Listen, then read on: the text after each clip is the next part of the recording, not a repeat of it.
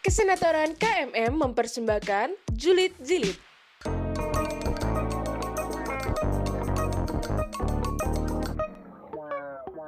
Psst. Waktunya Julid, Julid. Halo Sobat Julid, balik lagi nih di podcast Julid Julid Series Season 2 by KMM TV. Apa kabar nih Sobat Julid? Pada sehat? Apa pada sehat-sehat banget? Semoga pada sehat-sehat banget lah ya. Masih ditemenin sama Novel dari manajemen. Terus di episode kali ini cukup spesial nih Sob, karena kita kedatangan sebuah narasumber yang apa ya bisa dibilang topiknya tuh sekarang lagi panas-panasnya gitu. Lagi trending banget lah di perduniaan ITB ini. Jadi kedatangan narasumber dari Pemira. Lebih tepatnya Panpel Pemira ya. Oh ya kalau sobat belum tahu nah, Pemira itu sendiri adalah pemilihan pemilihan umum raya yang berarti aktivitasnya. Kalau Panpel itu adalah panitia pelaksananya dan kebetulan kedatangan ketua Panpelnya sendiri yaitu adalah Kak Kuku halo Kak Kuku Halo Noval, apa kabar nih Kak kabar apa dulu? Mental apa fisik apa apa nih? waduh dari Nggak sehat sehat sehat. oh sehat lah ya Ya, telah menjalani yang cukup berat ya, ak- akademik aja yang lumayan mantap lah. Soalnya tahun ketiga kan. Oh iya, udah tahun ketiga ya kak ya. Udah cukup ribet sepertinya. Langsung aja nih, mungkin ini juga banyak sobat yang pengen nanya-nanya juga. Sebenarnya ada apa sih kak dengan pemira? Jadi eh, pemira itu permasalahannya adalah dari awal tuh kita udah buka berkas gitu kan, tapi eh, belum ada kandidat. Dulu pertama eh, belum ada calon gitu kan, lalu ada calon satu, lalu ada dua calon buat yang ketiga M, terus gak ada yang balikin gitu kan. Nah akhirnya eh, kita diundur terus gitu, diundur dari pembukaan penutupannya diundur terus gitu. kan. Jadi dibuka, ditutup, dibuka lagi, tutup lagi, buka lagi, tutup lagi gitu. Tapi selama itu belum ada yang balikin berkas gitu. Nah, eh, apalagi buat MBWM ya, MBWM itu baru kemarin aja ada yang ambil berkas ya. Dan itu eh, balikinnya juga belum tahu ya kapan ya. Nah, sementara untuk yang K3M baru kemarin bener kemarin malam ada yang balikin berkas nih. Ada satu orang yang balikin berkas gitu kan. Nah, eh, nanti malam ada verifikasi sebenarnya. Nanti berkasnya apakah udah lengkap apa enggak gitu kan. Kalau berkasnya udah lengkap, maka eh, dia bisa di- dinyatakan sebagai kandidat gitu. Karena kan prosesnya pertama eh, ambil berkas jadi calon ya. Habis itu balikin berkas, dinyatakan lengkap baru jadi kandidat gitu. Nah, sementara pemira itu nggak boleh mulai, bukan nggak boleh ya, nggak bisa malah, nggak bisa mulai kalau kandidatnya tuh kurang dari dua. Jadi minimal kandidat tuh dua ya. Karena dari dulu belum ada kandidat ya kandidatnya nol terus kan. Makanya kita nggak bisa bisa mulai. Akhirnya kita mundur terus dari Januari sampai ini bulan apa? Maret ya? Maret, iya. nah ya gitu. Kalau boleh tahu udah berapa kali diundur tuh kak? aku pun deh nggak nggak nggak secara spesifik ngerti deh eh, apal deh. Tapi bisa dilihat aja tuh di OA kami gitu kan. Itu setiap ada pemunduran pasti ada di situ. Yang jelas awal-awal itu pemunduran itu setiap seminggu ya. Seminggu sekali itu ada pe- pemunduran. Nah itu sampai tanggal eh, jadi kan dulu dulu kan eh, ada timeline dari aku ya. Timeline optimis pesimis dan paling pesimis dari aku gitu kan. Nah sampai di ujung timeline paling pesimis itu ternyata belum ada kandidat gitu kan. Ini ini dulu timeline yang aku ajuin ketika maju ya itu namanya timeline paling pesimis lah dulu lah ya. Itu udah paling paling gitu kan. Ternyata belum ada gitu kan. Nah habis itu karena kita tunggu seminggu seminggu nggak nggak nggak nggak ada gitu kan maka eh, ya udah akhirnya ditunggu dibuka, dibuka sampai batas waktu yang tidak ditentukan gitu kan. Nah baru ditentukan lagi itu baru uh, bulan Maret kemarin ya bulan Maret kemarin tuh baru dibuka lagi seminggu seminggu lagi gitu Bang. jadi kira-kira berapa kali ya ada kalau enam kali ya Oh udah banyak juga berarti kak ya? Udah diundur terus. iya banyak emang Nah terus untuk keputusan terakhir nih kak, pemira ini untuk eh, apa pengambilan berkas ini mau diperpanjang sampai kapan lagi sih kak? nah sebenarnya kalau sampai kapannya itu jujur dari Panpel juga kita nggak tahu ya karena itu kebijakan kongres itu jadi mengenai bakal diundur apa enggak itu adalah keputusan kongres gitu kan. Nah sementara keputusan kongres kalau kamu nanya senatormu senatormu juga nggak bakal tahu karena dalam kongres pun itu kan banyak senator ya. Jadi keputusan itu keputusan banyak orang gitu kan. Jadi ya emang nggak ada yang tahu gitu kan sebelum diputuskan gitu. Emang menariknya pemirsa di situ ya. Kita tuh ada suatu apa ya suatu variabel yang selalu wow gitu kan. Nggak ada yang nebak gitu nggak ada yang tahu gitu nanti ke belakangnya gimana gitu.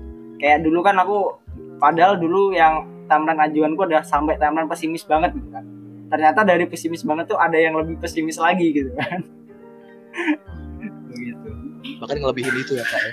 Iya jauh banget kan karena dulu targetku adalah yang paling targetku dulu tuh satu Maret ya Maret tanggal 1 itu pemira udah kelar. Jadi aku udah turun. Oh, udah tinggal LPJ gitu kan. Dulu targetku itu itu itu paling target udah paling max banget tanggal 1 Maret Eh, sekarang nyatanya bahkan belum mulai di tanggal 26 Maret gitu kan itu mantap kan emang kayak gitu Hmm, terus aku dengar-dengar juga nih kak, katanya keputusan terakhir tuh bakal diperpanjang sampai 6 April. Iya, tanggal 6 April.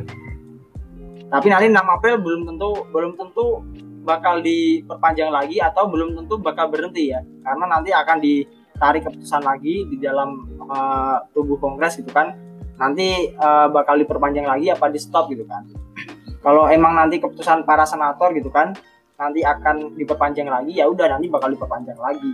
Kalau emang nanti ternyata para senator memutuskan udah nggak nggak ada manfaatnya buat diperpanjang gitu kan karena udah pasti nggak ada lagi gitu kan ya ya ngapain diperpanjang gitu kan ya nanti di, diselesaikan gitu langsung ditutup berarti kan Tadi kata kakak juga kalau misalnya MWW, MWWM ITB dan juga K3M itu cuma ada satu calon, terus ah, dengar-dengar nih katanya mau dilaksanakan mekanisme referendum ya kak ya.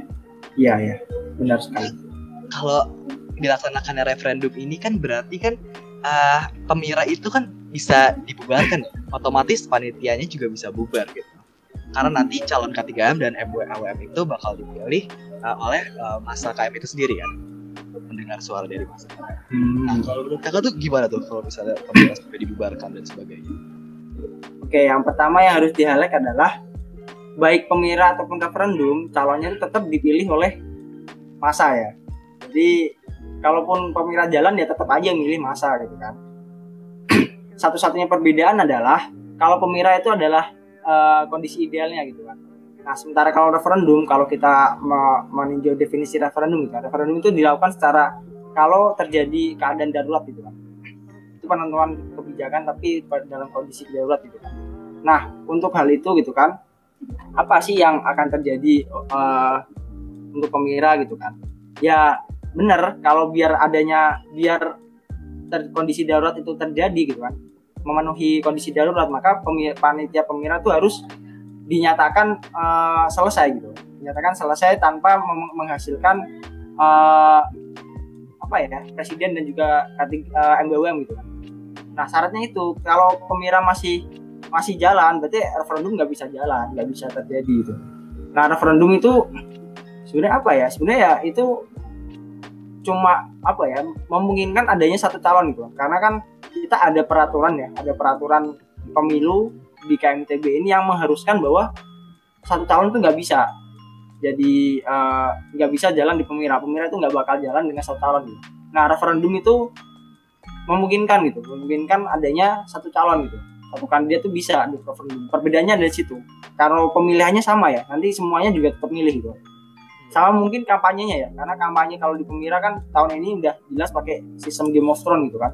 Tapi kalau referendum aku pun kurang tahu gitu karena referendum itu keadaannya darurat jadi kemungkinan besar paling kalau ada kampanye ya kampanye sangat terpusat sekali atau dua kali gitu ya intinya si eh, karena darurat ya jadi pasti sistemnya yang paling termudah lah yang paling prak- praktis Oke, berarti nanti kalau terjadi referendum tuh uh, pemiranya bakal dibubarkan dan bakal diambil alih oleh Kongres ya.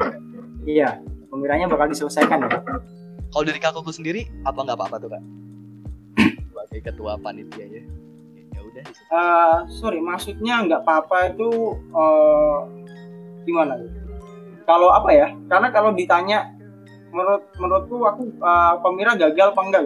Itu aku nggak merasa gagal sebenarnya. Karena eh, gini aku itu mendefinisikan gagalnya pemira itu kan itu adalah eh, dari tiga tiga kriteria gitu kriteria pertama adalah ditentukan oleh si panitia sendiri gitu si panitia semuanya gitu. Bagaimana staff itu merasakan merasakan uh, perkembangan mereka gitu di dalam pemira itu gitu.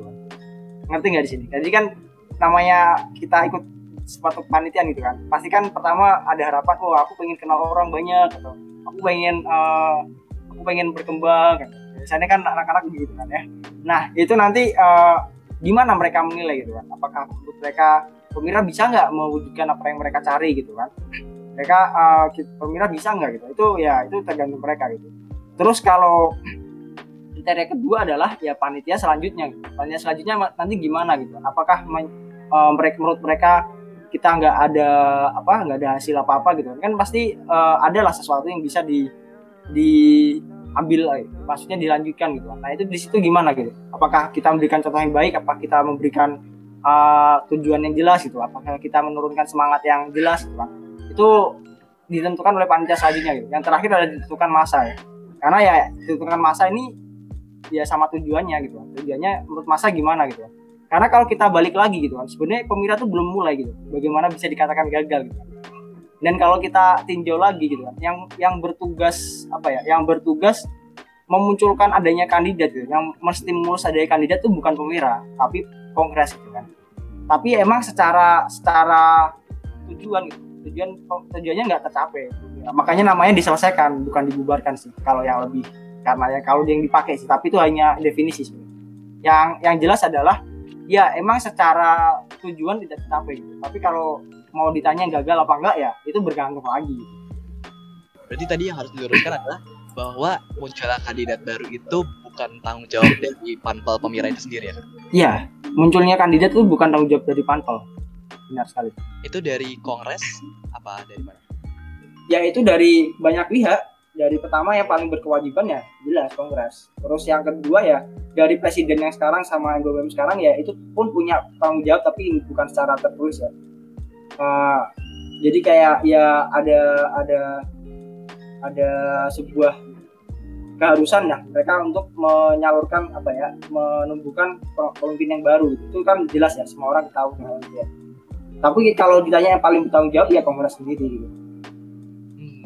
terutama KPU RPD gitu tapi di sini aku bukan menyalahkan mereka ya karena ya uh, sebenarnya itu tanggung jawab semuanya gitu. bahkan uh, kalau bisa ditanya lagi ya uh, angkatan 17 semua satu angkatan ya bertanggung jawab juga karena mereka yang harus mengisi kekuasaan itu gitu. angkatan 18 yang diperbolehkan ya seharusnya bertanggung jawab juga karena ya mereka bisa aja maju kenapa nggak ada gitu kan. Terus mereka bisa mendorong kakak-kakaknya kenapa nggak ada gitu. Bahkan angkatan 19 dan 20 juga berkewajiban juga karena semua orang bisa mendorong hal itu tapi kenapa nggak uh, kenapa uh, apakah sudah dilakukan uh, pendorongan agar teman-teman agar ada yang maju gitu? Apakah pendorongan itu uh, dilakukan seperti apa gitu? Apakah ada hasilnya atau enggak gitu? Sama semua orang itu harus berusaha gitu harus apa ya? Intinya semuanya itu bertanggung jawab gitu semuanya bertanggung jawab gitu. semuanya terlibat. Kamu tapi secara secara secara apa ya secara khusus gitu kan secara khusus. Yang paling bertanggung jawab ya kongres dan KPU RPD terutama KPU RPD oke terus selanjutnya nih kak. Mungkin langsung aja kita nanya ke future plan kali ya. Habis bang Kuku udah ngelewatin berbagai problem yang dihadapi. Terus ke depannya tuh panpel pemiranya tuh mau dibawa ke mana sih kak? Apa langkah selanjutnya? Gini ya ini uh, pemirsa itu sebenarnya masalahnya itu sama tuh dari dulu gitu kan pasti sama lagi. Masalahnya itu muncul lagi gitu, yaitu apa ya? Kandidatnya nggak nggak nggak nggak ada gitu. Kan atau atau banyak masalah lagi gitu. tapi kalau untuk kandidatnya nggak ada gitu biasanya adalah permasalahan yang menyebabkan adalah karena ya angkatan yang emang seharusnya maju gitu itu belum siap. Karena ada beberapa yang pengen maju tapi masih terhalangi dengan periodisasi gitu. Periodisasi KMITB itu masih masih nggak selaras gitu masih apa ya bahasanya tuh kacau lah gitu karena hal itu gitu kan itu sebenarnya uh, aku mengajukan sesuatu sebenarnya yaitu pemilu secara serentak secara serentak itu dibutuhkan suatu lembaga sendiri gitu yang akan mengerjakan hal itu gitu. Nah, aku ber apa mengusulkan bahwa pemira ini itu nanti akan berubah gitu, diinstitusikan lalu diubah namanya gitu dengan uh, menjadi apa gitu kan. Nah, pertama hal itu keuntungannya apa aja gitu. Emang kenapa kita harus melakukan hal itu? Yang pertama adalah dengan adanya pemilu serentak gitu kan. Dia apa sih yang diharapkan? Gitu? Yang pertama adalah nanti uh, setiap lembaga kan bakal mulainya bareng ya, mulai bareng semuanya pemilunya bareng. Jadi uh, kita akan uh, punya suatu apa ya, suatu masa tertentu di mana itu bener-bener pesta demokrasi gitu. Itu bener-bener pesta demokrasi buat semuanya gitu, karena uh, barengan gitu kan. Nah itu pemilunya pertama adalah bukan pemilu buat milih KM kayak itu ya presiden dan BWM ya, tapi pemilu untuk memilih ketua lembaga masing-masing gitu kan. Nah, nanti goalnya adalah setiap lembaga diharapkan apa ya? Setijabnya itu teratur gitu. Pada batas tertentu semuanya udah kelar setijab. Gitu. Nah, akibatnya apa gitu? Akibatnya adalah ketika uh, pemira dibuka gitu. Jadi pemiranya itu bakal dibuka ketika tadi batas setijabnya udah kelar gitu kan. Jadi semua lembaga tadi kan mulai serentak pemilunya mulai serentak gitu kan terus mungkin ya mungkin uh, mungkin akhirnya nggak bisa belum tentu sama karena ya pasti setiap lembaga punya masalah masing-masing lah. Tapi itu nggak masalah asalkan nanti uh, setidaknya kita jadwalin bareng gitu. Nah uh, akibatnya ya nanti habis itu pemira dibuka terus ya posisi angkatan yang udah yang emang punya apa ya tanggung jawab untuk untuk melanjutkan untuk punya uh, hak buat maju gitu kan. Itu kondisinya udah bebas udah nggak ada tanggung jawab lagi gitu kan di di KMTB lain gitu di bagian KMTB yang lain gitu di lembaga di KMTB ini gitu. nah ya udah itu berarti kita uh, menghilangkan satu penyebab kenapa nggak ada kandidat gitu. yang kedua adalah dengan adanya masa suatu masa tertentu yang di mana uh, pemilu itu dibarengin ya akhirnya apa akhirnya adalah kita punya masa tertentu di mana semua orang tuh saling menawarkan konsep KMTB yang lebih baik gitu semua orang bener-bener bakal punya berpikir dan dia uh, punya kebebasan untuk melihat pemikiran orang lain gitu mendengarkan dan melihat pemikiran orang lain gitu. karena kan yang pertama yang harus digarisbawahi adalah pemiranya sekarang udah me, me, meninggalkan website itu nah website ini nanti memungkinkan kita untuk berkampanye bareng dan juga melakukan uh, pemilihan bareng gitu kan. Nah, adanya kampanye kampanye yang bisa dijalankan bersama-sama itu kita jadi melihat gitu kayak misalkan oh KMM uh, uh, kebanyakan menawarkannya menuju uh, tentang ini, tentang tentang A.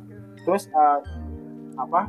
lembagaku ya, lembagaku KMPN ya. KMPN tuh uh, biasanya kami ke arah sini karena kami bisa melihat ya bisa mengikuti juga bisa melihat juga kampanye KMM dan KMM juga bisa gitu maka nanti uh, diharapkan setelah setelah kelar di udah kepilih gitu kan itu bisa membuka eh, orang-orang udah mengerti gitu apa sih yang dibawa dari lembaga lain gitu. akhirnya membuka ruang kolaborasi gitu.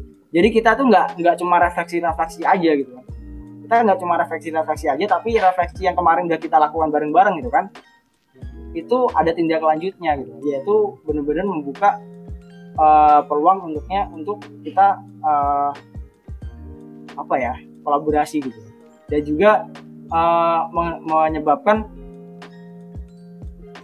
tadi ya kita punya suatu masa tertentu di mana semua orang tuh bener-bener bakal berpikir gimana sih KMT, KMTB ini yang lebih baik gitu? Caranya tuh gimana gitu? Gitu. Jadi kita benar-benar punya suatu pesta demokrasi yang benar-benar pesta demokrasi. Nah selanjutnya adalah untuk melanjutkan hal itu kita pu kita punya uh, ini masalah internal. Masalah internal pemira yang lain adalah uh, ilmu pengetahuannya tuh nggak nggak bisa lanjut secara 100% gitu. tanpa ilmu pengetahuan tuh selalu buruk lah. Kenapa hal itu terjadi gitu? Itu bukan salah panitianya atau apa tapi ya salahnya adalah terjadi karena kita bentuknya panitia. Kalau bentuknya panitia adalah sistemnya itu terjeda. Jadi satu panitia muncul lalu kelar habis itu hilang gitu. Hilang selama setahun full gitu kan selama satu periode gitu kan. Terus habis itu muncul lagi gitu muncul lagi terus uh, itu uh, ketika kita udah turun gitu kan panitia udah turun ya udah dia udah nggak punya tanggung jawab apa apa gitu kan. Akhirnya apa ya mungkin beberapa hal bisa dilupakan sama dia tanpa tanpa apa ya ketika dia ditanya oleh oleh si panitia yang baru gitu dia bisa udah melupakan beberapa hal yang itu bener, sebenarnya signifikan gitu nah dengan kita dilembagakan gitu, dengan suatu, suatu adanya lembaga gitu yang periodisasinya bakal tetap gitu jadi ketika ada turun langsung ada yang naik gitu kan nah itu menyebabkan transfer ilmu pengetahuan itu uh, bisa bagus ya. jadi semangat yang ada di lembaga itu gitu. terutama di sini pemilu ya pemilu raya ya itu bisa lanjut secara terus menerus jadi nggak nggak nggak nggak bener-bener hilang atau hilang secara perlahan-lahan gitu. Seperti itu sih kurang lebihnya. Tapi sebenarnya uh, konsep ini tuh baru aku ajukan ya ke kongres ya.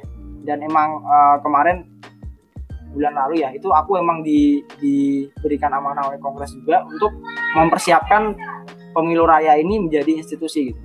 Nah itu uh, sekarang masih dalam uh, masa masa mengkaji ya jadi kita harus mengkaji juga kayak pemilunya itu harus seperti apa apa aja yang harus dibawa harus apa aja yang harus diisi dengan satu tahun itu gitu kan apa aja yang uh, semangatnya gimana dan apa yang harus dilanjutkan gitu dan itu masih dalam proses kita dikaji bareng-bareng.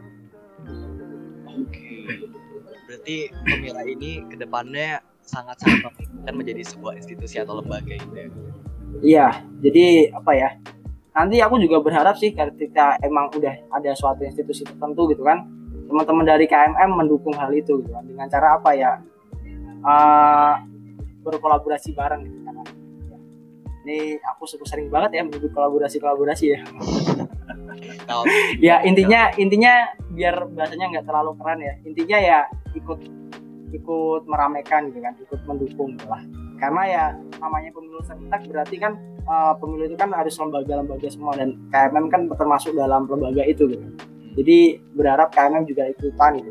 Dan uh, lebihnya lagi adalah kalaupun nanti ada lembaga yang nggak nggak sanggup atau nggak mau gitu kan atau kesulitan untuk membentuk panitianya gitu, panitia pemilunya gitu. Pemi, uh, lembaga itu harus bisa menggantikan gitu, harus bisa me mengcover lembaga itu, harus bisa memberikan apa servis ya untuk uh, di dijalankan pemilunya gitu kan. Kalau lembaganya minta gitu.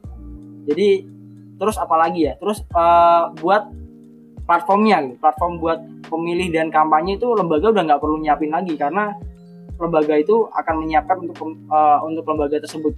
Lembaga pemilu itu harus uh, akan menyiapkan untuk lembaga tersebut gitu. Jadi lebih enak lah harusnya lebih lebih efisien gitu kan jadi uh, intinya adalah semuanya terintegrasi gitu ya kayak. Iya. Dan yang paling penting ya yang aku highlight tadi tadi ya kita punya suatu masa gitu kan di mana semua orang bakal berpikir bagaimana sih KMITB itu akan lebih baik. Gitu. Pengurus lembaga sendiri kayak uh, apa ya member-member ini bakal open recruitment lah. Kalau apa ya kalau yang udah kepikiran dari aku ya kalau buat sama ya semua orang uh, semua lembaga di sini tuh di KMITB itu uh, open recruitment gitu kan. Bukan selain himpunan ya. Itu pasti open recruitment gitu. Nah kalau uh, ya pasti kayak gitu gitu. Itu sama gitu. Nanti uh, ketuanya juga bakal dipilih juga secara secara umum gitu. Dipilih oleh semua masa gitu kan. Melalui kayak sama kemarin kayak aku kan dipilih secara FPT ya. Pemilihan besar ya kalau yang paling simpel ya dipilihnya FPT lagi gitu. Cuman masa jabatannya lebih lama. Tapi FYI aja ya aku aja ini menjabat berapa bulan gua dari November sampai ini udah Maret ya. Enam bulan guys. Ya enggak sih? Wow. November Desember Januari Februari Maret Maret ya Maret Maret lima bulan gitu. Nanti kalau April berarti udah enam bulan gitu kan. Nah enam bulan itu sebenarnya udah setengah periode lebih gitu. Kan karena satu periode itu kan kalau kepengurusan itu kan satu tahun itu kan lima eh sepuluh bulan ya. Iya. bulan ke sebelas ya. Jadi sebenarnya itu apa ya pemirat tuh emang emang dilembagakan tuh nggak nggak nggak nggak ada perubahan besar sih. Karena ya yang jelas ada perubahan yang paling jelas adalah masa jabatannya yang pernah jelas. Coba bayangin yang uh, teman-teman panitia yang sekarang itu. Semuanya ngertinya sampai Maret kelar. Semuanya ngertinya sampai Maret kelar. Karena ya si ketuanya dulu uh, bikin berkasnya ya cuma sampai Maret rencananya gitu kan. Tapi ternyata nggak ada kejelasan sampai kita mundur sampai Maret gitu. Bahkan nanti karena kita uh, kalau emang nanti ternyata pemira mulai gitu kan referendum nggak jadi nggak jadi dimulai dan akhirnya pemira yang megang berarti kita bisa aja kemungkinan sampai April bahkan Mei gitu. Jadi kalau kita udah lembaga itu udah jelas gitu. Jadi masa jabatan udah jelas. Pasti setahun gitu. Oke. Untuk uh, misalnya teman-teman semua di sini mau follow up gitu, kayak pengen tahu informasi lebih lanjut mengenai kelembagaan ini, nanti bisa cek di mana tuh kak kira-kira? kalau sampai sekarang ya nanti mungkin ke senatornya ya ke senator KMN ya. Karena mungkin nanti progresnya itu pasti akan disampaikan ke kongres itu Hmm, atau mungkin bisa bisa aja langsung nanya ke aku juga bisa. Oh boleh tuh ya kak ya nanti kalau bisa langsung kontak-kontakan gitu. iya. Kalau mau bantu mengkaji juga boleh sih sok aja. Kontak aja aku bilang aja kamu mau ikut juga. Oh siapa pun boleh tuh kak. ya boleh aja keren ya. Kak Koko ini sangat kolaboratif. Iya, bukan bukan gitu karena ya nggak ada alasan gitu aku menolak seseorang buat ya buat bantu gitu. Justru kalau dibantu seneng gitu loh. Nggak ada alasan aku menolaknya gitu kan. betul betul. Oke, terus eh terakhir deh kak. Misalnya nih, mungkin uh, kan apa pengambilan berkas tuh tinggal range sekitar dua minggu lagi, ya? nggak nyampe malah ya. 10 hari. Iya, 10 hari lagi. Misalnya nih yang denger dari podcast ini ada calon yang masih ragu untuk ngambil berkas. Kira-kira kakak pengen ngomong apa sih ke mereka yang masih ragu? Iya, ini terutama ke masa KMM ya. Ya, kenapa harus ragu gitu kan? Karena eh, mungkin ada alasan beberapa alasan ya dan itu alasannya mungkin eh, wajar gitu. Misalkan kalau eh, teman-teman ngerasa wah aku harus lulus cepat gitu kan. Karena KMM apalagi SBM ya, SBM kan biasanya lulusnya cepet. Apalagi kalau udah lulus, aduh katanya gede gitu. Tapi ya kalau emang eh, kita punya mimpi gitu kan dan mimpi itu cuma bisa sekali aja kita wujudkan ya kenapa kita harus ragu gitu kan dan kalaupun kita punya mimpi kalaupun takut mungkin ada alasannya takut gak ada yang bantuin gitu kan itu silakan aja tinggal bilang ke kongres gitu pasti nanti kongres bakal mengumumkan gitu kan dan pasti banyak yang mau bantu gitu. Dibulatkan aja. Tapi ya aku nggak nggak apa ya nggak nggak bener-bener nggak bener-bener memaksa ya kamu harus kita harus maju gitu. Enggak karena ya semua orang punya keputusan masing-masing dan punya alasan masing-masing gitu. Ya tapi apa apa pun alasannya tetap harus ada dari salah satu dari kita yang meneruskan KMITB ini gitu. Kalau enggak ya kalau nggak ada yang nerusin lagi gitu kan. Bayangin aja kemarin kita advokasi kayak membantu teman-teman dari yang USM gitu kan teman-teman maba gitu kan itu nanti kalau nggak ada pemimpin baru ya siapa yang bantuin gitu kan. kalau kayak ya itu kerjaan-kerjaan seperti itu terus kayak UKT kemarin gitu kan kalau nggak ada yang terpusat seperti kabinet dan BUM ya siapa lagi yang bakal membantuin Wow, kalau bukan saya siapa lagi gitu ya? Kalau bukan sekarang kapan lagi gitu. aku aku aku sedikit aneh kalau ya intinya tuh intinya itu ya bukan kalau bukan saya ya tapi ya intinya kita harus ada gitu aja nggak harus saya sih Hmm, oke. Semua lingkungan saling suportif ya. Oke. Ah, setuju sama Nopal Oke. supportif Oke, dengan begitu berarti kita harus menyudahi episode kali ini, Sobat Julid. Kalau Sobat Julid, mungkin Sobat Julid ada yang mau bantuin Kak Kuku mat, apa mengkaji tentang lembaga tadi, bisa kontak ke mana nih Kak? IG-nya ada gitu Kak? oh IG aku malah nggak hapus IG sih kemarin Atau kalau nge-DM di akun pemiranya boleh Kak nanti? boleh boleh Oke, oke dengan gitu kita tutup episode kali ini. Thank you banget Kak Kuku dan dadah Sobat Julid sampai bertemu di episode berikut ya. Dadah.